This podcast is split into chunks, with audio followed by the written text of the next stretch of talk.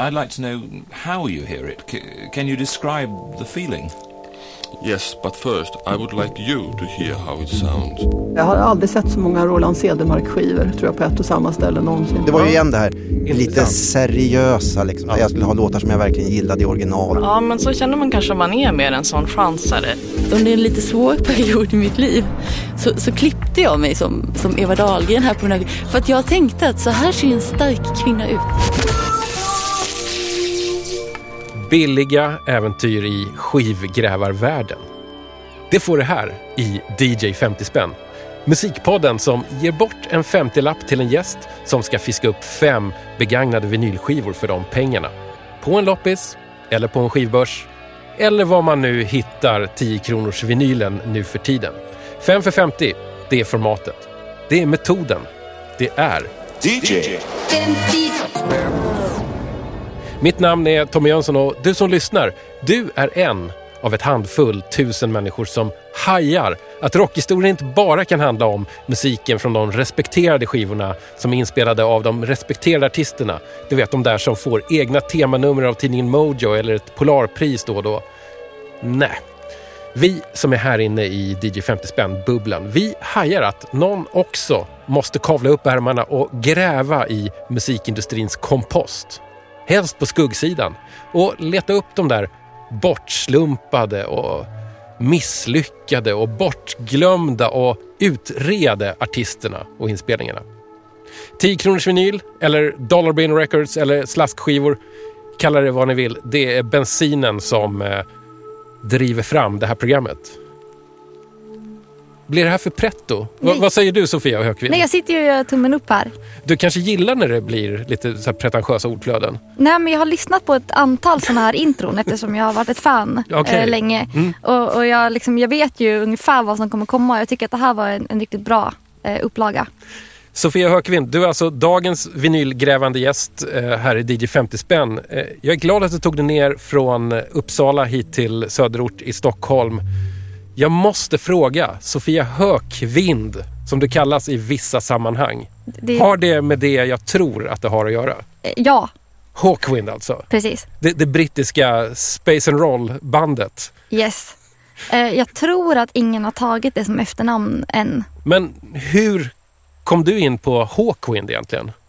Eh... Det är ändå inte liksom allemansbandet som finns där ute? Nej, kanske inte. Um, av alla band man lyssnar på så är Hawkwind faktiskt ett sånt band som jag vet hur jag började lyssna på. Mm. Um, Berätta. Ja, uh, jo, jag gick i högstadiet och hade precis skaffat, eller vi hade skaffat modem och i samband med det hade vi också skaffat Napster hemma. Mm.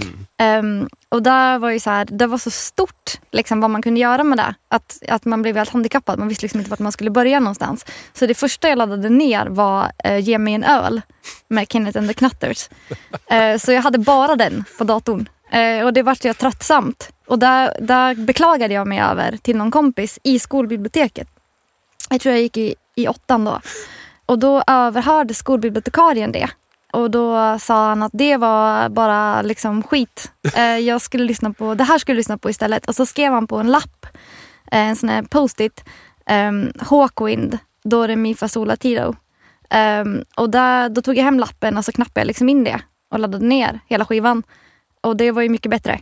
Ja. Eh, och efter det så gick jag tillbaka till honom och sa att det här var ju mycket, mycket bättre än allt jag har hört innan. Vilket var typ Glenmark Eriksson Strömstedt i den åldern. Mm. Och så fick jag en ny lapp där det stod du ska ladda ner det här, Black Sabbath, Master of Reality. Ja. Eh, och sen fortsatte det så. Så ja. jag har honom att tacka för väldigt, väldigt mycket. Där hör vi hur viktigt det är med bibliotek och bibliotekarier. Om de hade liksom skurit ner skolbudgeten och tagit bort skolbiblioteket, då hade du lyssnat på Kenneth and the Knutters idag? Troligtvis. Men eh, Sofia, du, du är musiker, du är eh, syntist, säger man det? Syntspelare, keyboardist, organist i ja, lite, lite olika band har du spelat i. Mm. Jag vet att du har varit med i ett band som heter Gravmaskin som är lite åt space rock-hållet. Ja, eh, ja precis. Någon sorts eh, krautaktigt ja. instrumentalt. Vi var bara tre. Och så Klotet som var lite progressivt ändå. Mer åt så här svensk progg med 1G-hållet. Ja, mm. Second Sun tror jag du var med i. Mm. Har du några fler band som du spelar med? Eh, nu, just nu spelar jag med en kompis som heter Henke.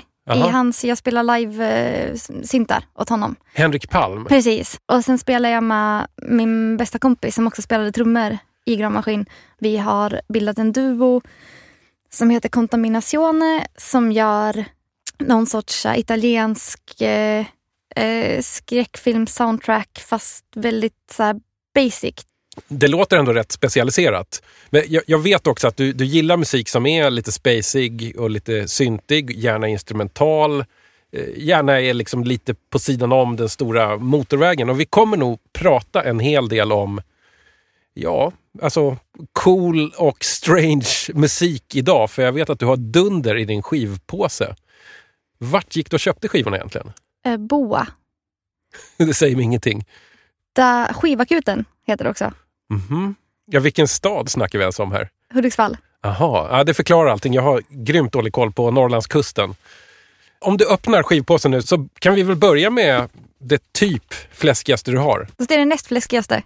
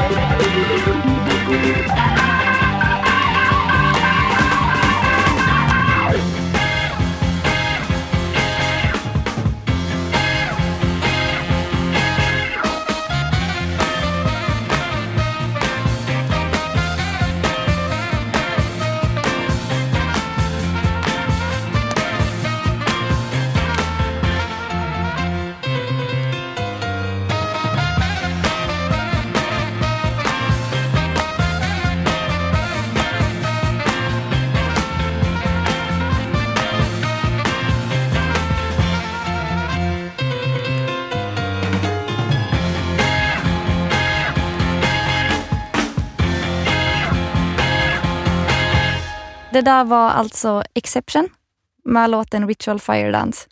Från skivan Exception. Jajamän, de holländska synth-prog med ett G, classic rock crossover-giganterna får man väl säga. Absolut. Från 69 tror jag den här skivan är. Alltså har man grävt loppisskivor någon gång i livet, då har man sett den här skivan. Eller den vita. Ja, eller den vita. Det finns faktiskt ett helt gäng Exception-skivor att, att, att välja på och ganska ofta dyker de upp. Jag har aldrig fattat vilka som köpte de här skivorna där i slutet på 60-talet, början på 70-talet. Det har inte jag heller, men jag fattat att de var väldigt kända. Ja. Att det var lite, alltså att de fick göra Europa-turné och att det var liksom big deal. Så. Ja. Mm, det var inga småspelningar de gjorde, utan det var så här Norrlandsoperan i Umeå. Liksom. Ja, Har de turnerat i Sverige? ja, om jag inte helt missminner mig. Men, men vet du vad jag blir glad över? Jag blir glad över att det äntligen är någon som vågar ta med sig en Exception-platta till DJ 50 Spence-studion. För alltså, det har varit över 100 personer som har rotat igenom 10 kronors vinyl för att ta med sig fem skivor hit. Alltså vi snackar alltså av 500 billiga LP-skivor. Så det är ingen som har pallat ta med sig Exception förrän du kommer med den. Har du någon teori om varför ingen vågar plocka på sig Exception och, ändå komma till det här ganska tillåtande programmet? Alltså, jag kan tänka, det har jag ingen teori om, men jag har en teori, teori om varför jag ändå sträckte mig till att göra det. Låt det var, höra. Ja, nej, men det var för att min, min, mitt mål var ju att få med fem instrumentala skivor.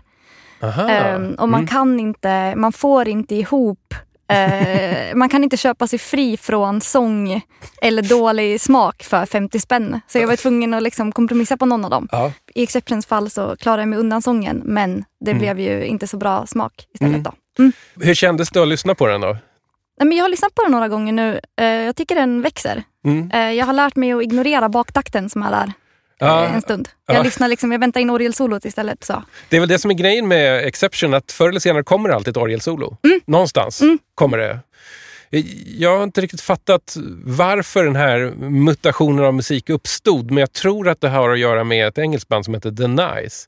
Som, Ja. som försökte göra, inte vet jag, klassisk musik med någon form av rocksättning. Och så råkade Exception det och tycka att det här ska vi göra. Sen så blev ju de det långvariga bandet i den här genren. Jag har ju också förstått det som att de gick om The Nice ganska snabbt och blev kändare liksom, i, i övriga Europa och så. För den som nu känner så här, wow, det här var ju härligt. Jag rekommenderar att liksom tråla Youtube efter Exception live-inspelningar från, från gamla tv-program. Ja, ju tidigare 70-tal desto bättre, för det här är lugnt det lurvigaste, pälsigaste, hårigaste rockbandet jag har sett. Särskilt han, vad heter han? Rick van der Linden, heter han det? Keyboardisten. Röd, rödskäggig, rödhårig. Det, det stämmer nog, jag kan inte namnet på dem. Men, Nej, men jag har förstått det ja. som att han var lite bandledare och sånt där. eh, Bestämde. en ganska fyllig man med väldigt fyllig hårväxt, får Ja. man väl säga. Och väldigt mycket feeling. Mm, mm. Ja, det kanske är så att, att grejen med Exception är att det var helt magiskt live. Alltså det var väldigt satsigt. De är ju otroligt duktiga musiker. Det måste man ju verkligen ge dem. Jag har ju någonstans blivit dresserad till att tycka att det här är vedervärdigt, att det här på något sätt är djävulens musik. Mm. Jag var liksom ung under 90-talet får vi väl säga och då var det ju ganska tydlig så här, smakdiktatur och allting som luktade eh, majspipa och liksom eh, så här Deep Purple-aktiga orglar och, och liksom så här lurvig rock. Det var ju så jävla långt från smakradarn då. Idag kan jag bli ganska glad av att se eller höra sån här musik. Eh, jag minns att jag någon gång satt just på Youtube och hade råkat hamna på något klipp från 73 när Emerson Lake and Palmer spelar Aaron Coplands eh, Hoedown. Egentligen är det en klassisk adaption av någon slags här eh, western musik. Men när de brassar loss där med liksom långa jävla orgelsolon och allting så tycker jag bara det här är ju hur grymt som helst. Men det har jag aldrig riktigt vågat säga till någon. Nej, men nu är det ju med rätt person Ja. för det. Eh, jag, jag tycker alltså det här klassiska som, eh, som Exception, de har ju baserat alla deras låtar, eller Mm. alla deras tolkningar av låtar Mm. är ju utifrån det.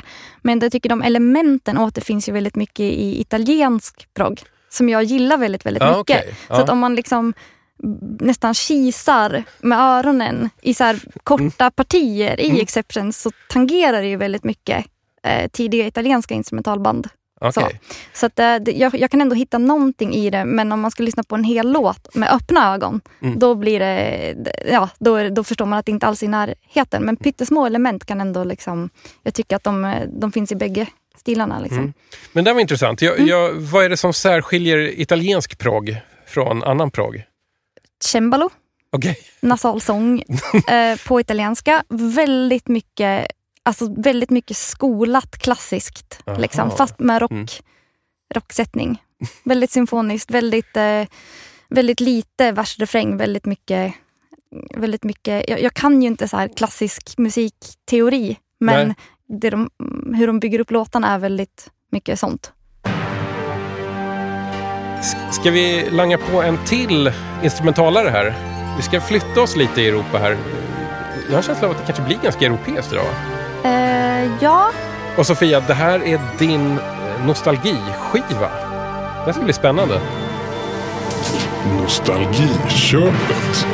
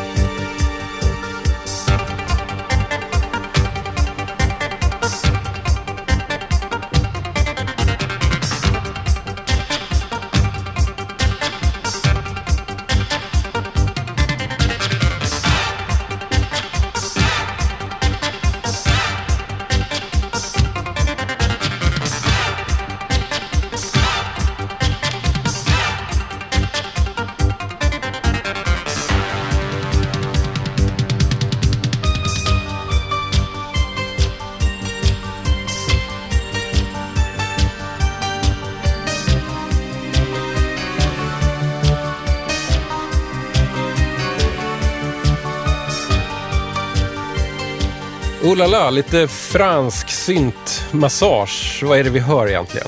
Eh, det är bandet Space. Mm. Vi, det här är från skivan Just Blue. Det är Space andra album tror jag. Tredje. Tredje till och med. Ser man på. Och den här låten heter Symphony. Jag tror att de säger det till och med i låten så man ska fatta det. Ja, det är väldigt tydligt. Vi identifierade att den här låten dog lite grann nu så vi låter den puttra på i bakgrunden. Det, jag tror att det här är, nästan är bättre som bakgrundsmusik. Jag skulle säga att det är ypperligt som bakgrundsmusik. Men, men liksom bara bitvis kanske var den här låten sådär fantastisk som man vill att det ska vara.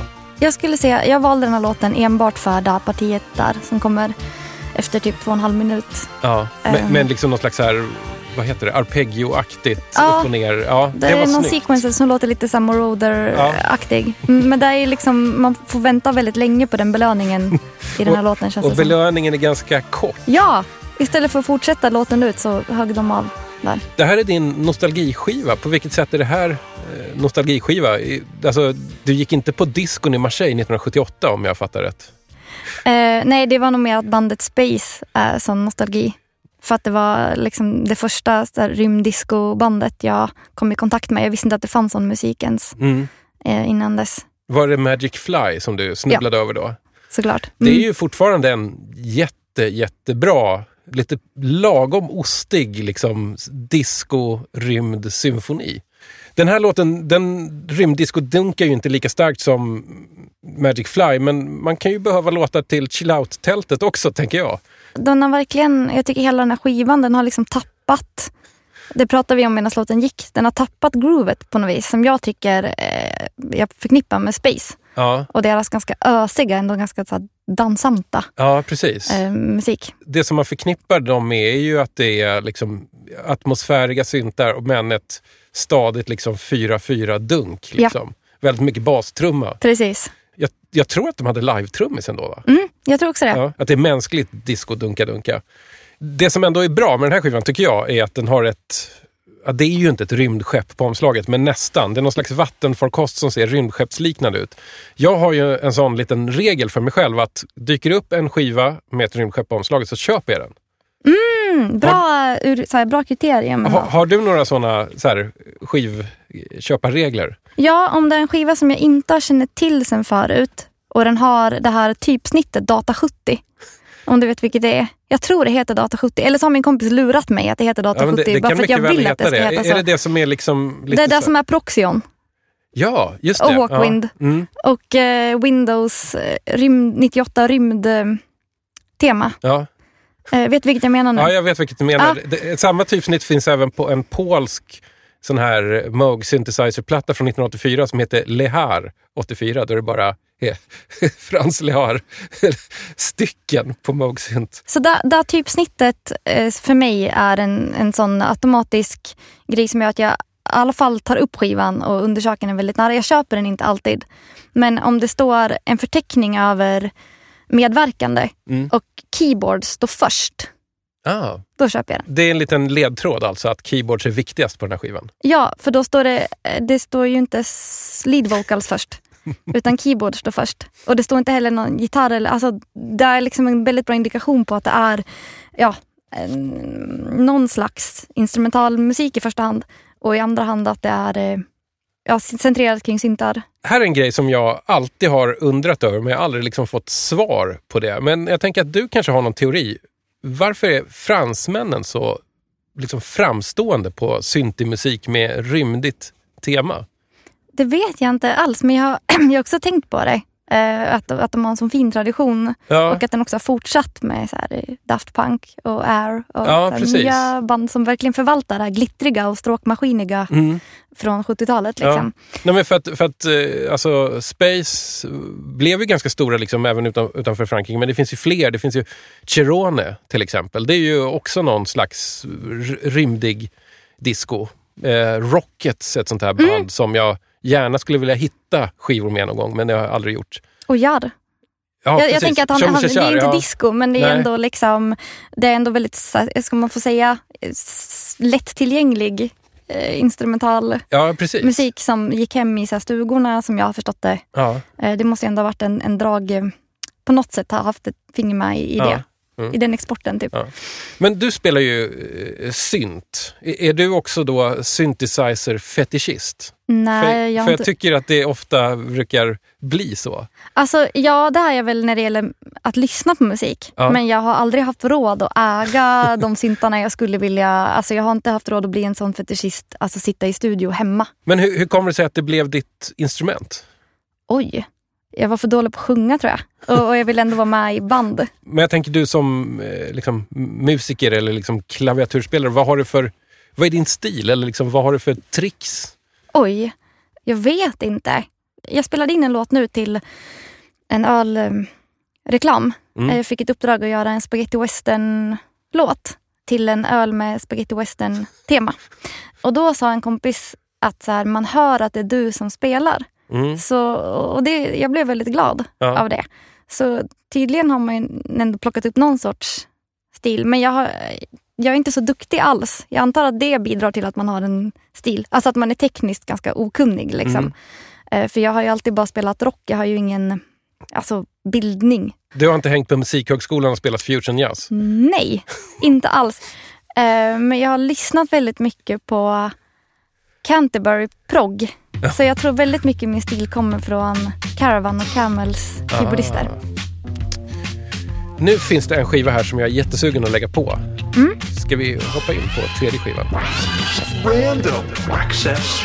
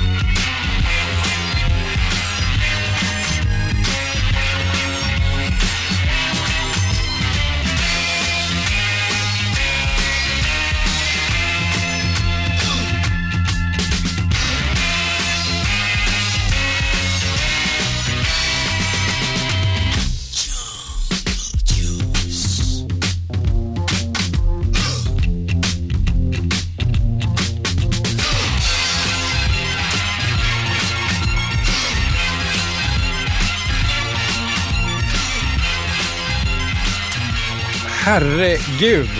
Sofia, jag vet inte hur det är med dig, men jag har lite svårt att sitta still när jag Mm. hör sånt här. Den är väldigt dansant. Väldigt, väldigt bra. Vad var det här? Eh, Det här var eh, bandet, inom citationstecken, Electric Coconut. Okej. eh, Som jag inte kände till sen innan. Jag fick researcha lite på Ja. eh, internet och det visade sig bestå av en så här, före detta katalogmodell som slogs ihop med någon typ producent som hade gjort eh, så här, instrumental coverskivor innan och så bildade de Electric Coconut och de gjorde bara den här skivan och en singel men den lyckades jag inte hitta Nej. på. Youtube ens. Ja, just det. Electric Coconut. Albumet heter Go Moog. Eh, jag är lite osäker på om hur, hur, hur uttalar man egentligen Moog, syntmärket?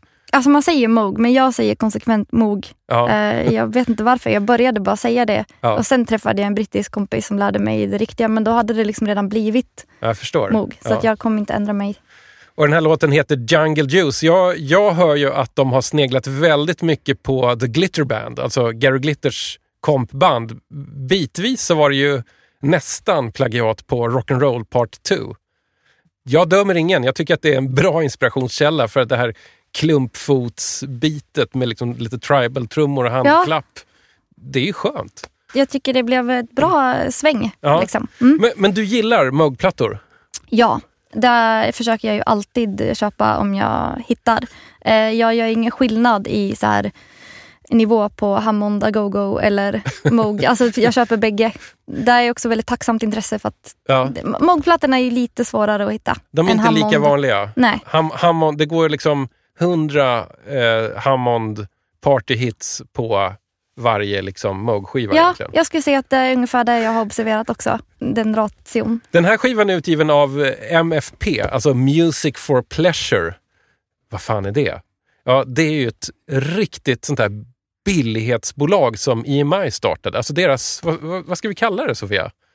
Deras Mm. lågprislabel. Jag tänker att namnet säger mycket. Att det är liksom inte musik som ska utmana på något sätt. Ja. Utan det är bara det är liksom, ja, partymusik eller hemmamusik. Ja, om jag fattat det rätt så såldes skivorna ofta liksom billigare och de såldes ganska ofta liksom utanför skivaffärerna. Mhm. Bokhandlar och varuhus och sådär kunde det stå ett ställ från MFP. Statoil-skivor. Ja, fast precis. Liksom då. Mm. Och då är det också så att väldigt många Music for Pleasure-skivor, absolut inte alla, men, men många är såna här aktuella hits från när det spelades in med totalt okända studiomusiker. Det är typ Gregorian chant, eller liksom Ja. fast då. Alltså att det Ja, verkligen är precis. så. Ja, jag förstår. Eh, och jag misstänker ju att ingen musiker någonsin fick se några royalties, att de bara skrev på någonting. Nej, det är var- väldigt anonymt. Alltså Ja. musikerna nämns ju inte ens. Nej, här fanns det i alla fall ett band liksom, som hade ett namn. Och, Mm. och det finns, tror jag, två namn där. För att på, om man kollar på etiketten så, så var det här en originalkomposition av Electric Coconut. Ja, resten, killarna, resten eller- av skivan är ju ganska så här, uppenbara covers, typ Popcorn. Men den, Ja. är, den är precis som Gershon Kingsleys fast typ lite sämre. Alltså de har inte gjort något, de har inte lagt till Ja, någonting alls. ja. Liksom. Jag hörde nu också att när vi spelar den här skivan att det låter ju för jävligt. Alltså ljudet är helt platt. Platt och skrapigt. Men det, det är väl MFP-pressningen liksom. Att det var inte den mest varsamma hanteringen kanske. Men vi måste prata om omslaget tycker jag. Ja, vad är omslaget egentligen? Du får beskriva det. Ja, alltså det är ju en Electric Coconut. Det är ju en e- nätansluten kokosnöt med en eh, semimodular synt och två högtalare inuti och blixtar på en strand med palmer och en röd sol. Mm. I någon slags, ja, lite sådär tecknad film alla 71. Ja, det är sån här japansk eh, tryckteknik som det är Moon Madness-omslaget med Camel. Mm. Eh, där det liksom lite, blir såna färggradienter. Men du Sofia, vi måste faktiskt prata allvar en stund för att jag förstår nu att du har fuskat. Hur då? Här skulle du egentligen ha dragit upp en helt slumpmässig skiva, men då Ja. hände någonting. Jag, jag råkade dra helt så fruktansvärd eh, fusion med blås och sång. Jaha, vad var det Ehm, för skiva? Ja, men det var den, jag, kom, jag tog ju inte med den. Ehm, jag lämnade den hemma. Jag, jag, jag, ja, dina lyssnare kan ju det här. Men man ska ju dra en skiva Precis. med i princip förbundna ögon. Ja. Och det kan ju bli vad som helst. Ehm, och jag tog hem den och jag provade. Eh, Jag försökte verkligen alla spår. Eh, men det var så hemskt Mm. att jag liksom...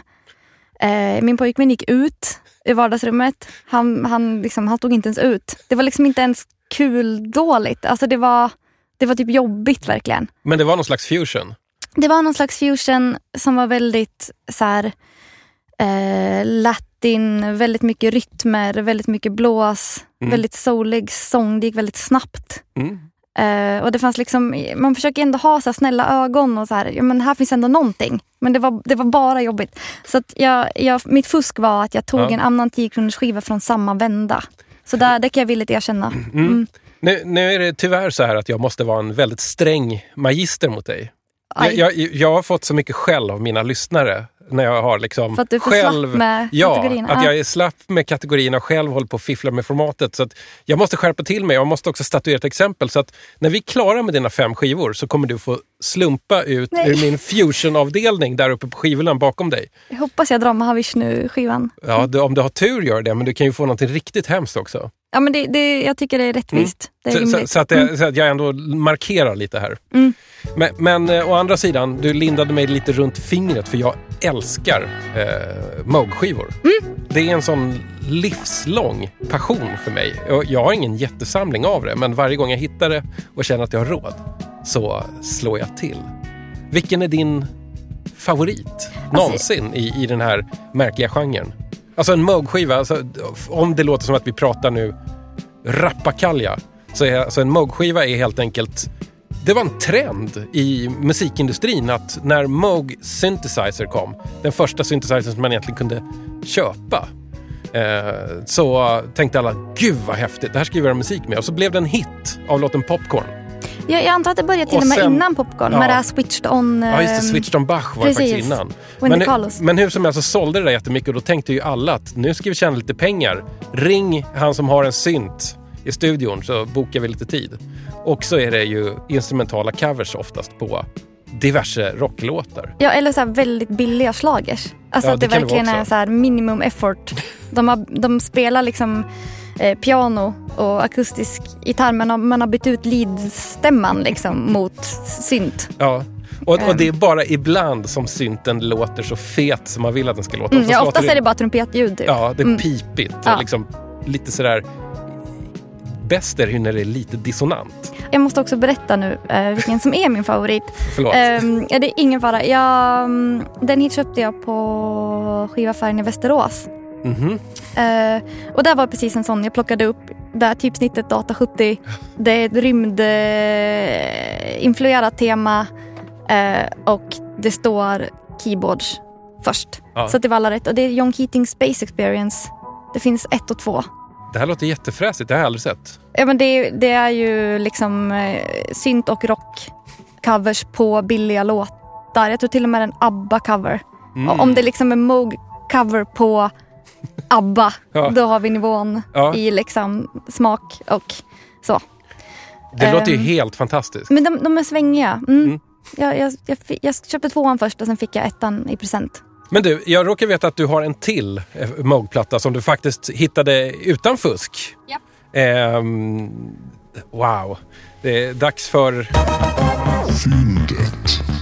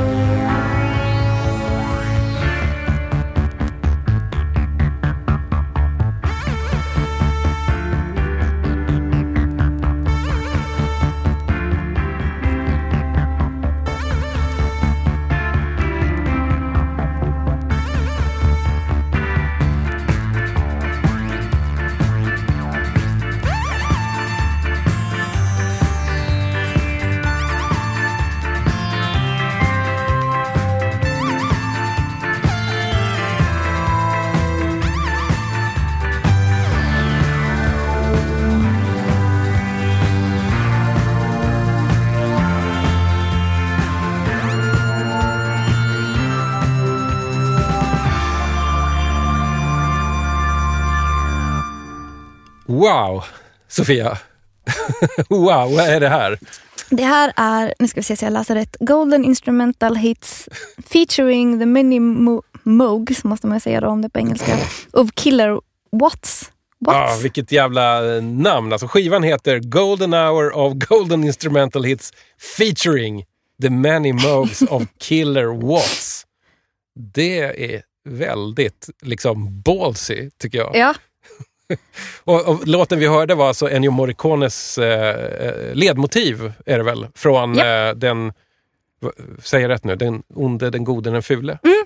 Du sa att du grät av lycka. ja Lyssnade på den här. nej men jag är ju väldigt så spaghetti western-fan och jag är Aha. väldigt stort eh, instrumental covers-fan. Mm. Så att när de liksom två sakerna möts, Aha. där, där har jag inte varit med om innan. Så jag, Plötsligt jag var händer det. otroligt glad. Ja, först var jag jätteglad när jag hittade omslaget för då förstod jag direkt vad det var för typ av skiva jag hade att göra med. Ja. Eh, och sen när jag läste igenom låtlistan så det var då jag blev jättelycklig. Mm. Jag ska också säga att Apache, som är lite så western, den är ju också med. De har gjort en cover på den också på den här skivan. De har klämt in väldigt många låtar överhuvudtaget på den här skivan. Mm. Eh, men den var inte bra alls. Men jag tycker väl att det kanske inte är den vackraste utförandet. Liksom. Eh, Nej, Eftersom de har ja. lagt in baktakt Ja. och så. Ja, Men- det, är, det är lite det här umpa-kompet. Precis, Liksom. precis ja. det är som växelbas. Eh, men jag tycker bara att idén att de två världarna har mötts gör mig så pass glad. Ja. Att för mig är det här ett fynd, även om den enligt Discogs har väldigt så ringa värde Ja. pengar. Men sukta mig lite, vad är det för mer för låtar på den här? För jag anar att det är fler covers. Vissa är samma som brukar finnas på Hammond-skivor. Typ Telstar är väl Ja. en sån låt som väldigt Ja. många har gjort. Ehm, Amazing Grace, inte så bra. Ehm, och eh, ja, Apache då, som är eh, någonting som väldigt, väldigt många har gjort instrumentala covers Ja. på. Eh, Även här är det, är det en Moog-skiva där musikerna ändå inte är helt anonyma. Även Nej. om de är tämligen okända. Killer Watts är liksom ändå en grupp. Ja, de har även skrivit ut vilka syntar de har använt. Så det, det är lite matigare info än Electric Coconut. Den är Ja. lite mer anonym. Barry Leng, som är en av de här En av medlemmarna är Killer Watts. Precis. Har ju också gjort, jag läste på lite mer om honom. Han hade också gjort en, en annan, en solo Moog eh, instrumental covers skiva. Mhm. Men den kom senare. Eh, den kom 78 och heter This is synthesizer sound. uh, där omslaget, den är skriven med eh, om, eh, typsnittet Data 70. Kvalitetsmarkör helt enkelt. Ja, och jag måste bara berätta. Jag har inte lyckats hitta den här någonstans eh, på, på Youtube eller så. Men jag hittade låtlistan Mm. och första låten är For a few dollars more. Så jag måste hitta den här Du skivan. måste ut och jaga Ja. helt enkelt. På något sätt måste Ja. jag få tag på den. Jag, jag är lite fascinerad över att eh, Boa i Hudik ställer ut sånt här för 10 spänn. Mm. Det, det måste ju vara att det inte är så många andra som... Hade det varit i Uppsala hade de ju försvunnit tror jag, Ja. fort, fortare. Men du, det, det här med eh, primitiva syntskivor med instrumentaler, det, det verkar ändå gå långt tillbaks för dig. Men vad, vad mer för musik brukar du liksom leta efter nu för tiden? Mm, alltså, sen letar jag efter band jag faktiskt lyssnar på. Så. Ja. Men då får man ju betala mycket mer pengar. Det är liksom som två olika intressen Mhm. på något vis. Eh, den, jag skulle säga att jakten, reabacksjakten är ju mycket roligare för att då har man liksom inte redan en färdig bild i huvudet. Men vad tror du att eh, det här trålandet i, i reabackar, då, hur kommer det sluta för dig? Mm, För att jag har ju märkt hos mig själv och väldigt många andra att det är en nedåtgående spiral. Att man väldigt- blir mindre och mindre selektiv. Jajamän, Mm. man, man vill gilla det man hittar. Mm, Till slut så står man ju där och liksom lusläser liner notesen på dansbandsskivor bara för att se om en viss basist spelar. du letar efter Så- halmstrån. Ja, eller liksom alltså att den här är ändå mer spännande att köpa för att det är en dansbandsplatta som är privatpressad. Ja, du hör ju själv vilket liksom maskineri av ursäkter inför en själv som man kan hamna i. Ja, men jag kan ju verkligen se det framför mig i mitt eget fall att jag har tömt ut alla Hammond Agogo som jag vill ha. Jag har fått tag på alla Moog alltså som inte kostar 100 spänn. Mm. Utan alla de som går att hitta för 10. Ja, Eh, typ de andra. PYE-skivorna. Mm. Och sen börjar det ju bli mer kanske så här, jag vet inte, motsvarande från samma tid, så här Tijuana Brass. Just det. Alltså, det är samma låtar men det är annan... Där Mm. är, ja. Jag vet inte. Jag tror att det Hammond-grejen, där kan man nog expandera ganska långt. För att det fanns ju också i andra länder, det finns ju så här en finsk tradition tydligen också. Ja, ja. Inte bara tysk. Liksom. nej, det finns ju Ehm, till och med en svensk. Ja. Ehm, men när den är slut, vart hamnar man då? Nej men då blir det nog dansband. För att så här, åh, på en låt Ja. är det stråkmaskin. Eh, därför köper jag den här. På en låt är det Hammond. Alltså det svensk dansband typ. Men det finns, eh, den skivan ville jag så himla gärna hitta men jag hittade den inte. Eh, Flaming... Vad heter de? Flamingokvintetten. Nej, ja, nej, heter de så? Eh, nej, Ingemar Nordström tänker jag Ja, på. just det. Eh, där finns ju Saxparty. Mm. Ja, men skivan innan första Saxparty heter bara Ingemar Nordströms i parken. Eh, och där gör de en instrumental Hammond-version av For a few dollars more. Men den, jag har aldrig sett den i någon back. Annars så finns det ju ett ögonblick av eh, analog syntextas på uh, Sax Party 4. Tror Ja, och det är Ja. där man kommer hamna. Vid de här ögonblicken. Man kommer liksom, ja, jag, du, du har helt rätt. Jag, jag ser framför mig, jag, det, blir, det blir samma spår för mig. Det är ändå ett ganska mysigt missbruk. Det Ja, skadar inte relativt så många billigt. andra. Och, Relativt billigt. och jämfört med liksom sprit och knark skulle jag säga att det är eh, billigare. Ja, eller så dyra basar. Typ. ja, men sånt som folk ändå börjar samla på. Liksom. Vi har tagit oss igenom fyra av de fem skivorna i din hög. Vi har sparat chansningen till sist. Den här bryter lite mot det andra som du har med, tycker jag Denna sång. Man kan ju inte få precis allt vad man önskar sig i, i en liten skivbörs med 10 kronors skivor. Nej, särskilt inte när omslaget är på ett, eh, i ett skriftspråk man inte förstår.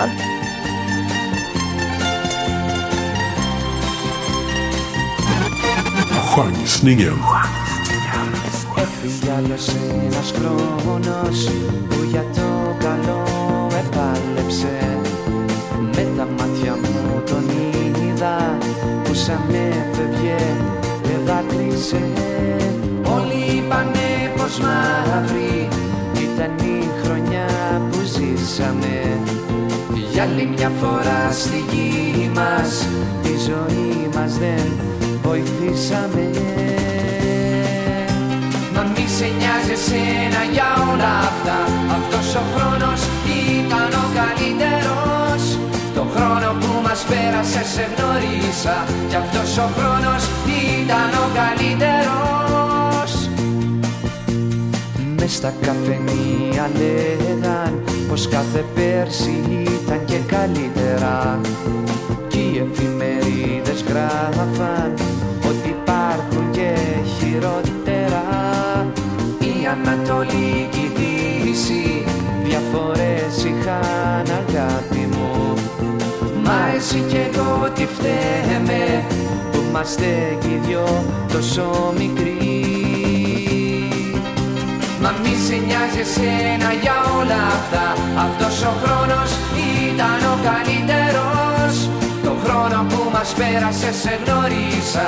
Κι αυτός ο χρόνος ήταν ο καλύτερος. Μα μη σε νοιάζει εσένα για όλα αυτά. Αυτός ο χρόνος ήταν ο καλύτερος.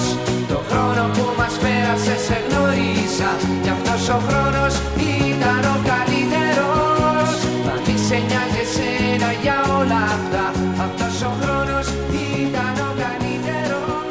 Sist ut här av dina fem skivor, eh, chansningen, som var Kostas Turnas. Eh, den här låten heter O Kronos och Kaliteros. Döda mig inte om du kan grekiska. Jag har ingen aning om hur man uttalar det här. Jag gör mitt bästa. Albumet, kan du läsa ut vad det heter? Eh, men det heter Mina damer och herrar i alla fall om man översätter det. En, gre- en grekisk kollega har hjälpt mig. Okej. Mm. Ja, du har fått lite hjälp att uttyda för, för att det är bara grekisk text på hela skivan. Precis. Ja. Det, du lyckades hitta ett årtal Ja. som inte jag hade hittat Mm. ens. Men annars är det bara grekisk text. Och så fick vi lite sång. Japp. Känns det jobbigt? Nej, för det är mellotron. Ja, jag förstår. Det väger upp där. Mm. Men hur kommer det sig att du chansar på Kostas Tournas som är en grekisk rockpionjär från slutet 60-talet, början på 70-talet? Jo men det var ju bara omslaget i det här fallet. Det finns ju inte så mycket annat att gå på just eftersom att jag inte förstår Nej. ett ord. Det är en bild på honom Han ser väldigt cool ut med långt hår, någon sorts nitskärp, svart skjorta, svarta utsvängda byxor. Ehm, Och är liksom lite neråtböjd så man ser inte hans ansikte. Det är någonting lite hemligt. Precis, det finns ändå ett svårmod. Det är inte liksom en uppenbar så här Paul Paljette, alltså så. Det är en väldigt liksom, ja men ja, jag Ja. tänkte det är ändå en artist med integritet. Vad tyckte du om din chansning då? Jag var tvungen att dra igenom några låtar. Det här är första spåret på andra sidan. Ja. Eh, Så första sidan, jag fick ändå så första intrycket var ändå så han vill ändå låta som David Bowie. Mhm. Eh, Mm. Lite, Mm. och där, när jag sen läste om honom, när jag väl hade fått reda på vad han hette så att jag gick och googlade, för först hade jag ju ingen aning om vad det var ens jag hade köpt. Mm. Förrän min grekiska kollega hjälpte mig och skrev ner på en lapp. Liksom. Så, så har han själv sagt att med sin, den skivan som kom innan den här, så ville han låta så. Eh, Mm. men ehm, eh, jo, men jag fick intrycket av att det var bra. Eh, han hade bra smak. Det var Mm. fint eh, piano, fin bas. Han använt, jag tror att det är en riktig mellotron Ja. eh, som stråk och eh, eh, flöjtmattor Ja, ja, ja. i, Mm. i sina låtar. Mm. Jag är inte så tränad att jag kan avgöra det alltid. Men Inte jag heller. Men, men det, eftersom man byter mellan det flöjtmatta och stråkmatta Ja, ja, i det. samma låt så, Mm. så får jag ändå känslan av att det är en sån han använt. Ja, just det. Jag tyckte att den här låten var ganska så catchy faktiskt. Den liksom nynnar redan i mitt huvud här. Jag har också gått och sjungit på Ja. den. Vet du någonting om Kostas Tournas? Mm, Ja, min kollega som har rötter i Grekland och som var den som kunde grekiska, Ja. hon sa att hon kände igen det. Ja. Hon kände igen hans låtar från när hon var liten, så det verkar ändå vara någon som är hyfsat känd i Grekland. Jag har nog bara läst ungefär en Wikipedia-artikel att han var frontfigur i Poll, Mm, som det. tydligen var en av Greklands här, Big Six. eh, sex kända rockband från 70-talet. Eh, men jag lyssnade på Poll och jag blev lite besviken. Jag trodde det skulle vara hårdare. Det Men- var men- lite för så folkglatt. Mm, jag tyckte att det lät ganska bra. Jag, jag, Mm. har, jag har hört talas om Paul och hört någon låt av dem tidigt. Men det är väl, det är, alltså, vad ska vi säga, lite, lite folkig grekisk mys.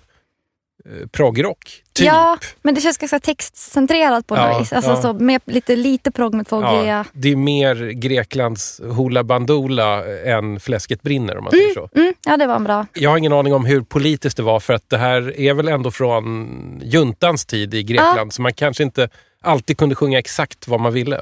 Nej, jag, jag läste om honom att han, eh, han skrev anti-juntan-låtar men att de var väldigt så här, diskret. Eh, liksom, ko, alltså det var kod. Ja, inlindat. Precis. Ja, precis. Han var kritisk men att det var försiktigt liksom, uttryckt. Men du, det här med instrumental musik. Mm. Varför är det din grej? Oj. Det vet jag inte. Jag, jag har nog aldrig tänkt på det så. Jag har nog bara upptäckt att eh, det, om jag gillar nya band så är det väldigt sällan, det är undantagsvis att det är sång. Mm. Det, det, jag tror att det sker gradvis. Och nu liksom så blir det mer att man pratar om så här, ja det är med sång. Som att det är liksom Att det är Aha, undantaget? Ja, exakt. I, I alla fall med min bästa kompis som också är väldigt... Ja, vi har eh, sp- spelat ihop i massa, vad blir det, 13-14 år i olika instrumentalband. Eh, och, och när han föreslog att det skulle vara sång så var det helt tyst. Liksom. Så då sa jag, men då får du göra på egen hand. Så nu har han ett band som han sjunger i också, som jag inte är med i. För att där, Mm. där gick min gräns. Liksom. Är ni vänner fortfarande? Ja, där är vi. Jag ska gå och se hans sångband på lördag. Då så Sofia, vi är nästan klara, men jag måste ju tyvärr Mm. utmäta det här straffet. Om du vänder dig om till översta hyllan där och så kollar du efter eh, hyllsektionen som är märkt jazzrock snedstreck fusion och så bara dra ut den här bara. Så får vi se här eh, vad du får för liksom fusion-straff för att du duckade en fusionplatta förut. Nej, dra ut den nu bara. Ja. Det får vara slumpmässigt här. Vad tog jag? Vet du vad? Herbie Mann. Den där står nog lite fel sorterad. Den där är lite för funkig för Fusion. Men skitsamma. Du, du råkade få ut då en skiva som kanske inte riktigt var rätt placerad här. Det blir lite tvärflöjt. Det kommer ju instrumentalt. Mm. Är det här någonting du gillar? Alltså som du har köpt för att du gillar det? Eller är det... Ja, Okej. jag Mm. älskar sånt här. Ja men vad härligt. Jag hoppas du lider nu Sofia. Nu, nu, nu får du lite, det är inte fusion riktigt, det är Herbie Mann så det är väl någon slags funkig tvärflöjtsgrej här från discoeran. Jag har hittat den för 10 spänn.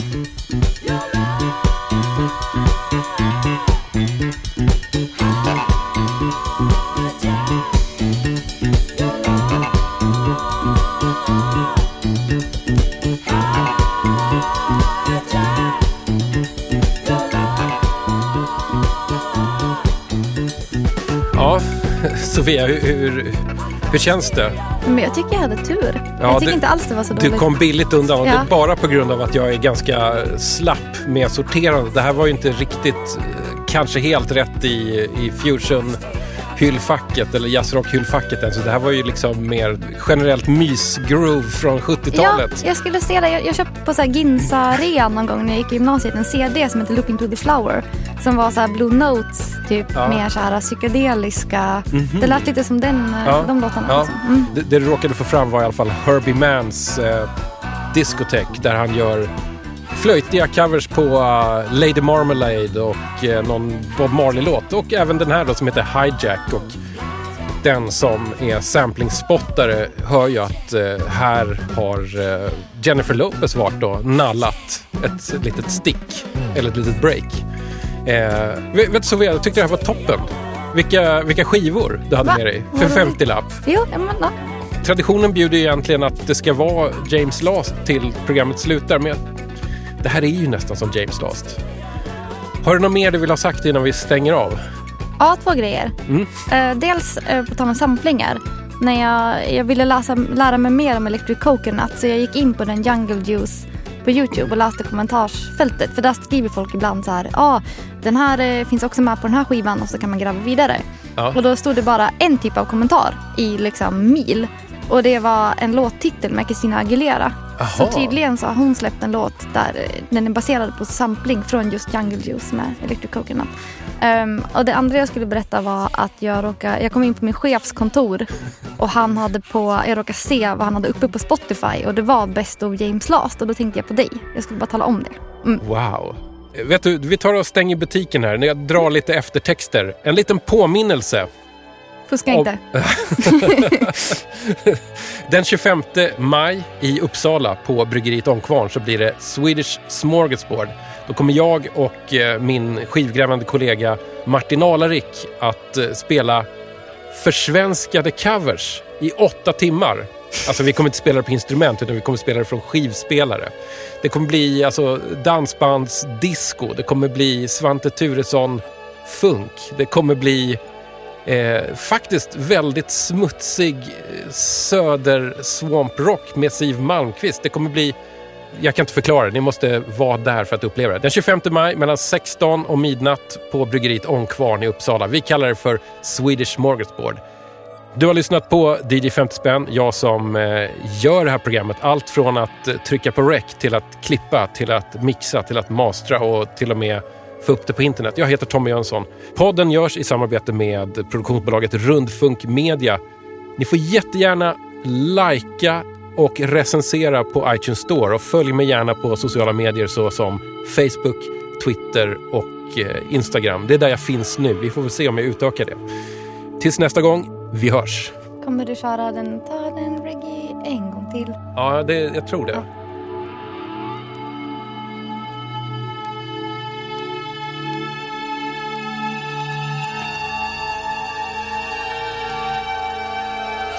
Just a minute. I'll switch over to my hearing aid. I had my hearing aid on the loop system when I was listening to the music. Loop system, switch over. Sorry, I'm confused. Tell me more about it. Explain it. Yes, of course. You see, there is a technical aid which is a complement to the hearing aid, a loop system. It's a coil which goes around the room or the place where you are sitting and which transfer the sound to magnetic waves which can be received by the hearing aid. Well, that sounds amazing. Tell me more about it. Yes, if you are at a lecture, for instance, or watching the telly, or if you are talking on the phone and there is such a loop system, you just switch over your apparatus for receiving the sound. I see. So you have such a loop connected to your gramophone as well. Yes, I had it on when I was listening. That's why I couldn't hear what you, what you were saying. But I believe you asked something about the music, didn't you?